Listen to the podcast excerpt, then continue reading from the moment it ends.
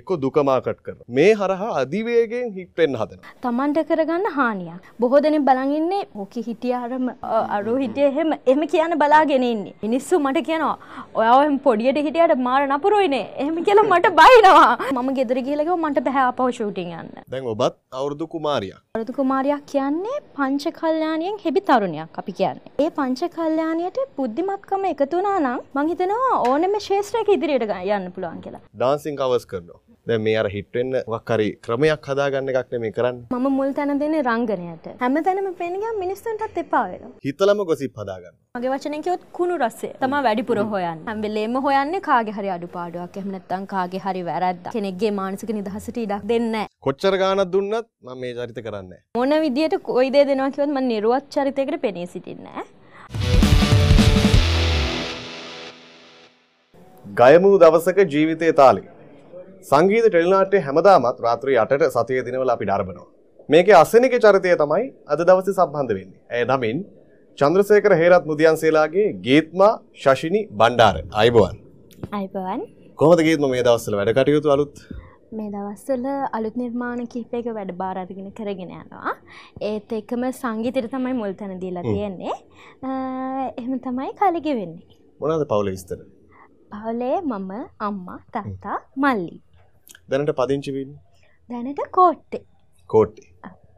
දැන් ගීත්ම මේ අපිට වැඩසටහන් නරඹනකොට ඒ වගේම තමයි මේ YouTube නාලිකා හරහා විවිධ සම්මුඛ සාකච්ඡා නරඹනකොට මේ නවක රංගන ශිල්පීන් ශිල්පිනියන් එක්ක දුක මාකට් කරනවා. අර අපේ කියන්නේ දුක අහනවා කියලා. මේ හරහා අධිවේගයෙන් හිට් වෙන්න හදනවා. නැත්නම් වෙන වෙන දේවල් සමාජයට විවෘත කරලා හිට් වෙන්න හදනවා.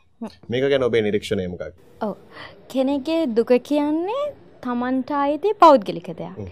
ඒක මං හිතන්නේ ප්‍රසිද්ධ මාධ්‍යක ඇවිල්ලා කියලා ඒක මාකට් කරන්න අවශ්‍ය දෙයක් කියලා. තමන්ගේ පෞද්ගලිකත්වය තමන් සහ තමන්ට ආදරය කරන තමන්ගේ අවට පොදු තමන්ගේ පෞද්ගලික පරිසරය ඇතුළ දැනගෙන හිටියහම ඇති. ඔයාට වගේම මටත් දුක්බර කතාවක් තියෙන පුළුවන් අතීතේ. නමුත් දැන් අද අපි තැනකට ඇවිල්ලා ඉන්නවානේ. එතකොට තමන්ගේ ඒ තැන රසවිඳින ඇරෙන්න සමාජයට තමන් දුක්වින්ද හැටි ඒ දේ කියලා කෙනෙක් හිතන්න පුළුවන් ඒක තව කෙනෙට මෝටිවේෂන් එකක් වෙනවා කියලා. නමුත් මං කියන්නේ ඒක කලාකාරයෙක් හෝ කලාකාරයක් හෝ ඒවා තමන්ට කරගන්න හානියක්. අද තමන් ඉන්න මටම දැන් බොහෝ දෙනෙක් බලන් ඉන්නේ ඕක හිටියාරම අරු හිටිය එහෙම එම කියන්න බලාගෙන ඉන්නේ. ඉතිං කෙනෙක් සමාජ තැනක් අයිති කරගෙන ඉන්නව නම් ඒක ඒකට හානියක් වෙනවා තමන්ගේ පෞද්ගලිකත්වය එම නැතන් දුක මාකට් කරන එක හරහා. තිං තමන් පැමිණි ගමනේ අද තමන්ට සතුට වෙන්න පුළුවන් නම් දුක සමාජ මාධ්‍යා කරා කියලා එහෙම මාකට් කරන්න අවශ්‍ය නෑ කියන එක තමයි මගේ පෞද්ගලික අදහස. කියන්නේ තමන්ගේ කතාව තමන්ට ආශිර්වාදයක් වුණාම ඇති. ඇති. ඒක මෙහෙමයි. අනුන්ට ආශිර්වාදයක් වෙන්න පුළුවන්. නමුත් කලාකාරයෙක් හෝ කලාකාරියක් යම් තැනක ගිහිල්ලා ඒ ගැන කියනවා නම් ඒක තමන්ට කරගන්න හානියක් විදිහට තමයි මම දකින්නේ. කියන්නේ පරිණත පුද්ගලයෙක්ගේ පරිණත පුද්ගලයෙක්ගේ ජීවිතය ඔහු රංගන ශේත්‍රයේ දීර්ඝ කාලයක් කටයුතු කරලා ඒන පන්නරය සමාජගත කරන්න පුළුවන්. අපි කතා කළේ නවක රංගන ශිල්පීන් ශිල්පිනියන් ගැන. එතකොට දැන් මේක කරන්නේ පැවැත්ම වෙනුවෙන්නේ. ටික කාලයක් මේකේ රැඳිලා ඉන්න මේ ෆීල්ඩ් එකේ. දැන් ගීත්ම බණ්ඩාර ඒකට විරුද්ධ නම් ඔබ මොන වගේ දේවල්ද කරන්නේ ඔබේ පැවැත්ම වෙනුවෙන් මේ ශාස්ත්‍රේ? ඔව් ශාස්ත්‍රයේ මම රංගන ශිල්පිනියක් විදිහට මං හිතන්නේ මම දැනට කරන්නේ මගේ රංගන කුසලතාවය වැඩි දියුණු කරගන්න. ඒ සම්බන්ධ පොතපත කියවනවා සහ ප්‍රවීණව ආශ්‍රය කරනවා. මගේ රංගන රංගනයට මට ඒ පිළිබඳ ඇකඩමික් නැහැ. ලංකාවේ ඒකට තියෙන්නේ හරි සීමිත ප්‍රමාණයක් ඇකඩමික් රංගන ඉගෙන ගන්න. ඉතින් ඇකඩමික් විදිහට මම ඉගෙන ගන්න හැ නමුත් මම ශේත්‍රය රැඳෙමින් ශේත්‍රය පුරුදු පුහුණු කරමින් මම මගේ රංගනයට අවශ්‍ය දේවල් කරගෙන යන ඔබ මේ ශේත්‍රයනි වෘතියක් විදිහද නැත්තං වෙන ටාගස්මාර තියෙන මගේ ප්‍රධාන වෘතිය රංගනය. රංගනය. තව එකක් තමයි දැන් ඩාන්සිං කවස් කරනවා ඊට පස්සේ සතිය ගානේ ෆොටෝ ෂූට් කරනවා. නැත්නම් ඩේලි හරි කමන්නේ ෆොටෝ ෂූට් කරනවා.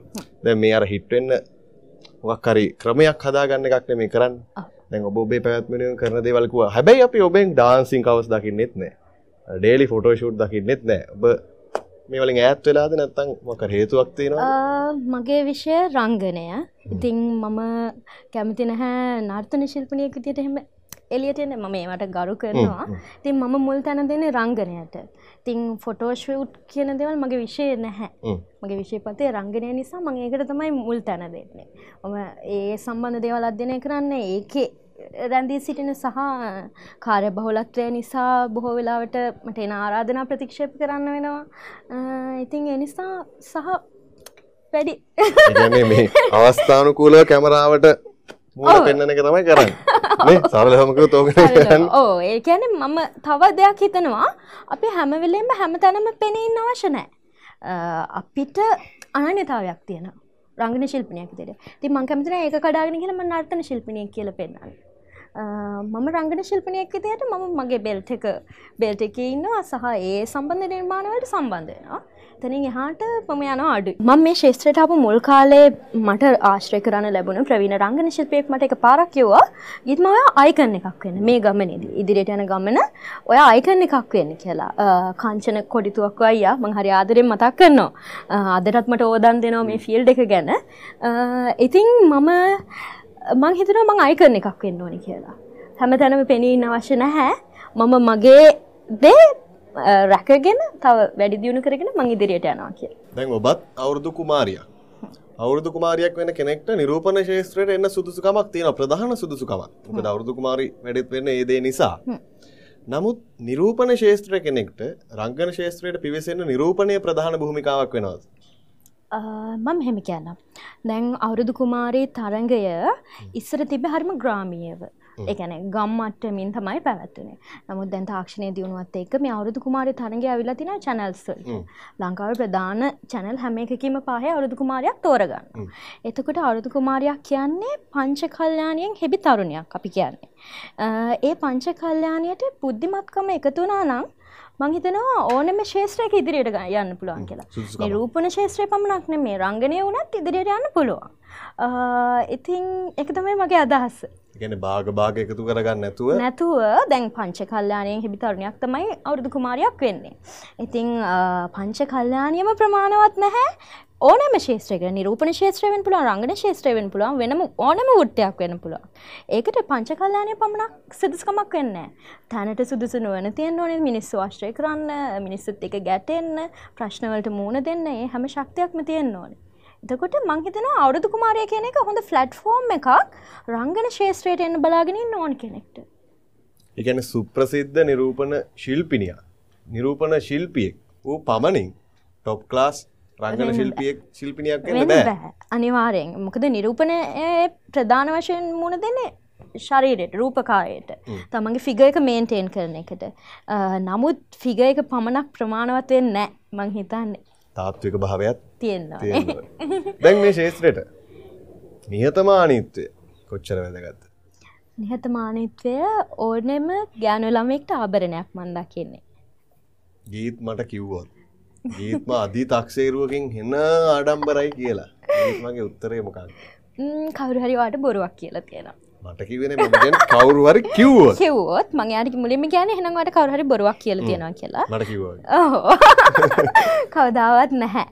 මම ආශ්‍රය කන සමාජ තලය සහ එතනින් හාට මගේ ෆෑන්ස්ලා හම්බෙනවා. ට හැමෝම් ගැන්නේ ඕවගේ නිලියක් මට හම්බෙලා නෑ හරිම ඩවන්ටුවත් කියලා.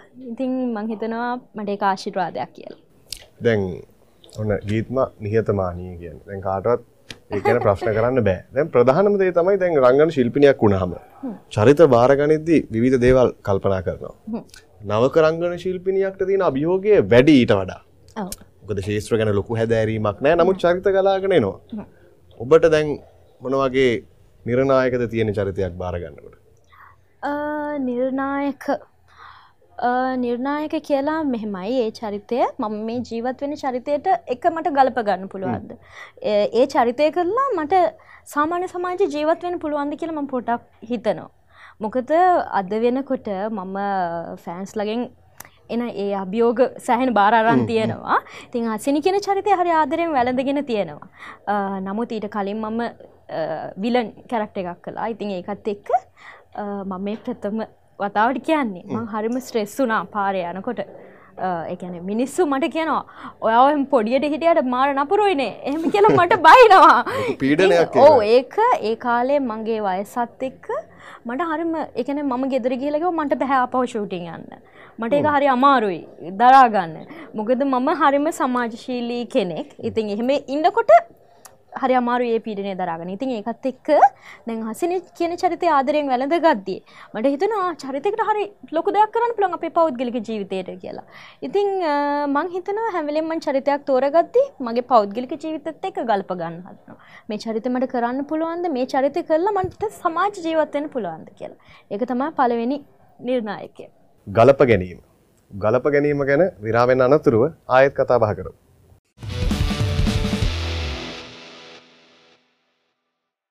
සමහර නොගැලපෙන දේවල් ගලපගන්න ගියාමත් උණුසුම්කාරී තත්ත්ව ඇති වෙනවා. සමහර ගැලපෙන දේවලුත් ගලපගන්න ගියාම උණුසුම්කාරී තත්ත්ව ඇති වෙනවා. ඒ වෙලාවට හදවත උණුසුම් කරගන්න එක තමයි වැදගත්ම දේ. දැන් ගීත්ම උණුසුම් කතාවක් කිව්වා විරාමයට කලින්. දැන් අපි සූදානම් වෙන ගීත්ම තේකක රස විඳින ගමන් කතා බහ කරන්න.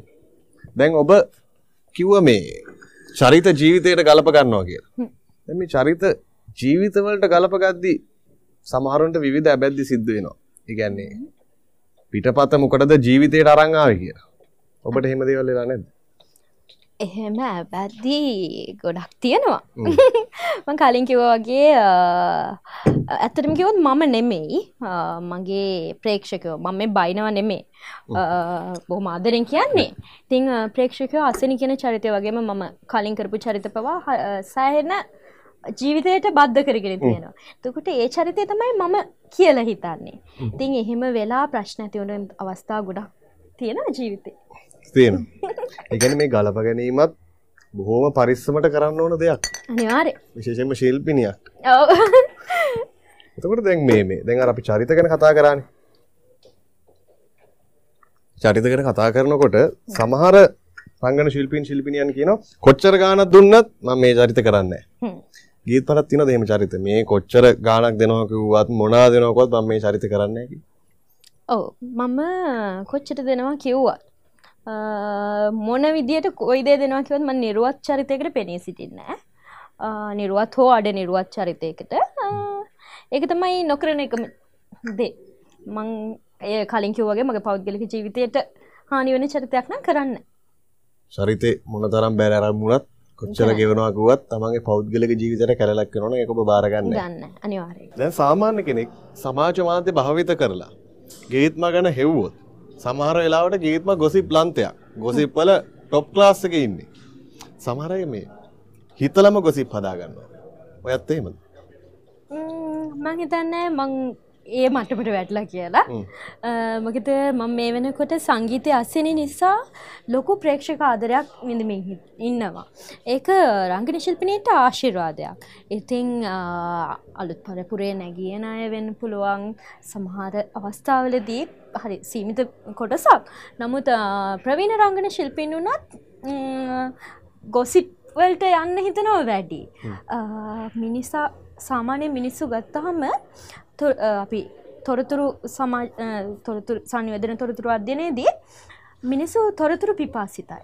ඉතින් මිනිස්සු හැම්වෙලේම යොමු වෙන්නේ තොරතුරු හම්බාගෙන යනවා කිව්වොත් හරි. ඉතින් කුතුහලය තියෙන කෙනෙක් තමා මිනිස්සු කියන්නේ.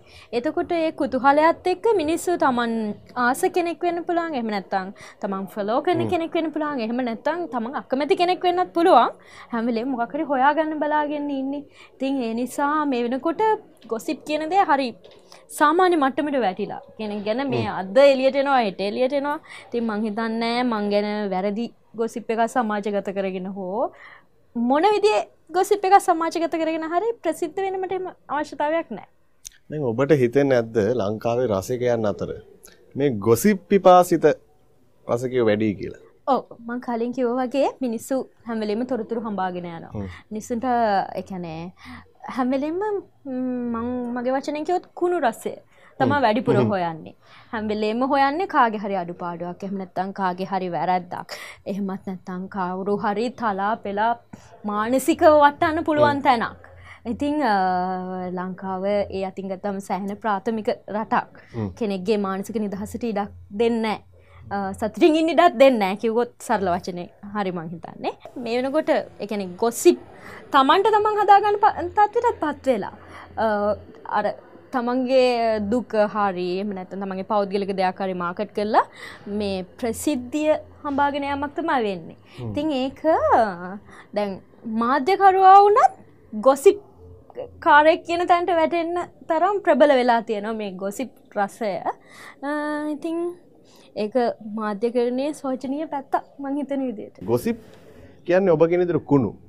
මේ කුණු රසය විඳන පිරිස ඔබට අනුව වැඩි.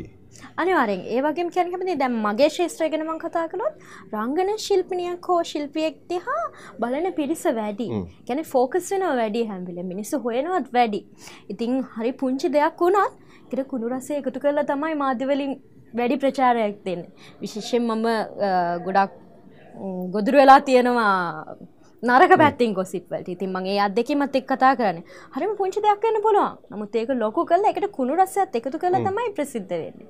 තින් ඒක තව පුද්ගලෙක්ට ගන්න හානිය කුණු රසනෑ එහින්ද කුණු රස හොයන් යන්න එපා කියල තම අපිට කියන්න තියෙන දැන් වැදගත් කතාවක්වා කාන්තාවකට දරාගන්න පුළුවන් ප්‍රමාණය කාන්තාවකෙන් කාන්තාවට වෙනස් වෙනවා. ඔබට වනත් අපි දැකලා තියෙන අශ්වීල ගොසිප් කතා. විවිධ දේවල් නිර්මාණය වෙලා තියෙනවා. කාන්තාවක් විදිහට. මේක කොහොමද දරාගන්න? මන් දකින විදියට කාන්තාවක් කියන්නේ හරිම ශක්තිමත්. හැම. දේට මුණ දෙන්න පුළුවන් විදිටම කාන්තාවක් හැත්ලා තියෙන තින් මංහිතනා තමන් බලාගෙන ඉන්න කාන්තාවන්ට ගැන තමන් විශ්වාස කරන්න. තමන් තුළ තමන්ට හිතාගන්න බැරි ශක්තියක් තියෙනවා. ඕන අභියෝගයක් කාන්තා පිරිමි බේදයක් නැතු ඕනි කෙනෙට ප්‍රශ්නයනවා. නමුත් එහෙම මානසික වැඩෙන්න ඕන්න තමන් විශ්වාස කරන්න තමන් කරන තේ විශ්වාස කරන්න අවබෝධයෙන් කරන්න. ද විලාසිතා විලාසිතාකු හම සමහරයට ගලප ගන්න තේරෙන්නේ. තකොට සමහරයින්නවා ගැලපෙන්න්න කරනවා සමහරයට හොඳ හැක් තියනවා සමහරයට හොඳ හැක්නෑ ගීත්ම සහ විලාසිතා අතර තියෙන මොනවාගේ සම්බන්ධය විලාසිතා ගත්තොත් මම එහම රැල්ලෙන් රැල්ලට කාලෙන් කාලට එන විලාසිතා අනුගමනය කරනය මට සීමවුන සීමිත කොටසක. මං කියන එක හිර වෙලා කියලා. නමුත් මං කැමති පැත්තක් තියෙනවා. තිං මං ඒ විලාසිතානුව තමා යන්නේ. මං හිතන හිනාව හොඳ ආභරණයක් විලාසිතාවලට කියලා. ඉතින් මං හැමවෙලම හිනාවෙන ඔබේ ජීවිතය හැරවුම් ලක්ෂේ සංගීතද? අනිවාරෙන් මව සංගීත හින්දා අවුරුදු කුමාරයක් ඕන හින්දා මම ගොඩක් ප්‍රසිද්ධ වුණා මට ප්‍රසිද්ධත්වය හම්බෝනා නමුත් මිනිස්සු ආදරය කරන්න ගත්තේ ජනප්‍රිය වුණේ හැමෝගම ආදරය විඳන්න ලැබුණේ සංගීතය අසරි නිසා. දැන් ප්‍රවීණ රංගන ශිල්පියෝ ගත්තහම ජැක්සන් ඇන්තනී මහත්මයට අපි දුරකත නැමතුමක් දුන්නොත් ඔහු අනිවාර්යම ආන්ස කරන.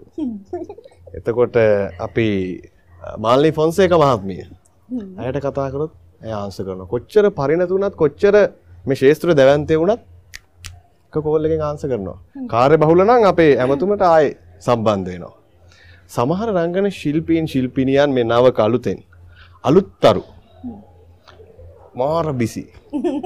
එකන කතා කරොත් කතා කරන්න පොයිමටක් ගන්න සෑහන වෙලාකන එහෙම චරිත ඉන්න අපිට මේ සමාජ මාධ්‍යේ විවිධ කසුකුසුවලින් අහන්න දකින්න ලැබෙනවා. ඔබ මොකද ඒක ගැන හිතන්නේ? මේ මේ ඇටිටියුඩ්ස් මේ කොහොඳ බැනස් කරගන්න.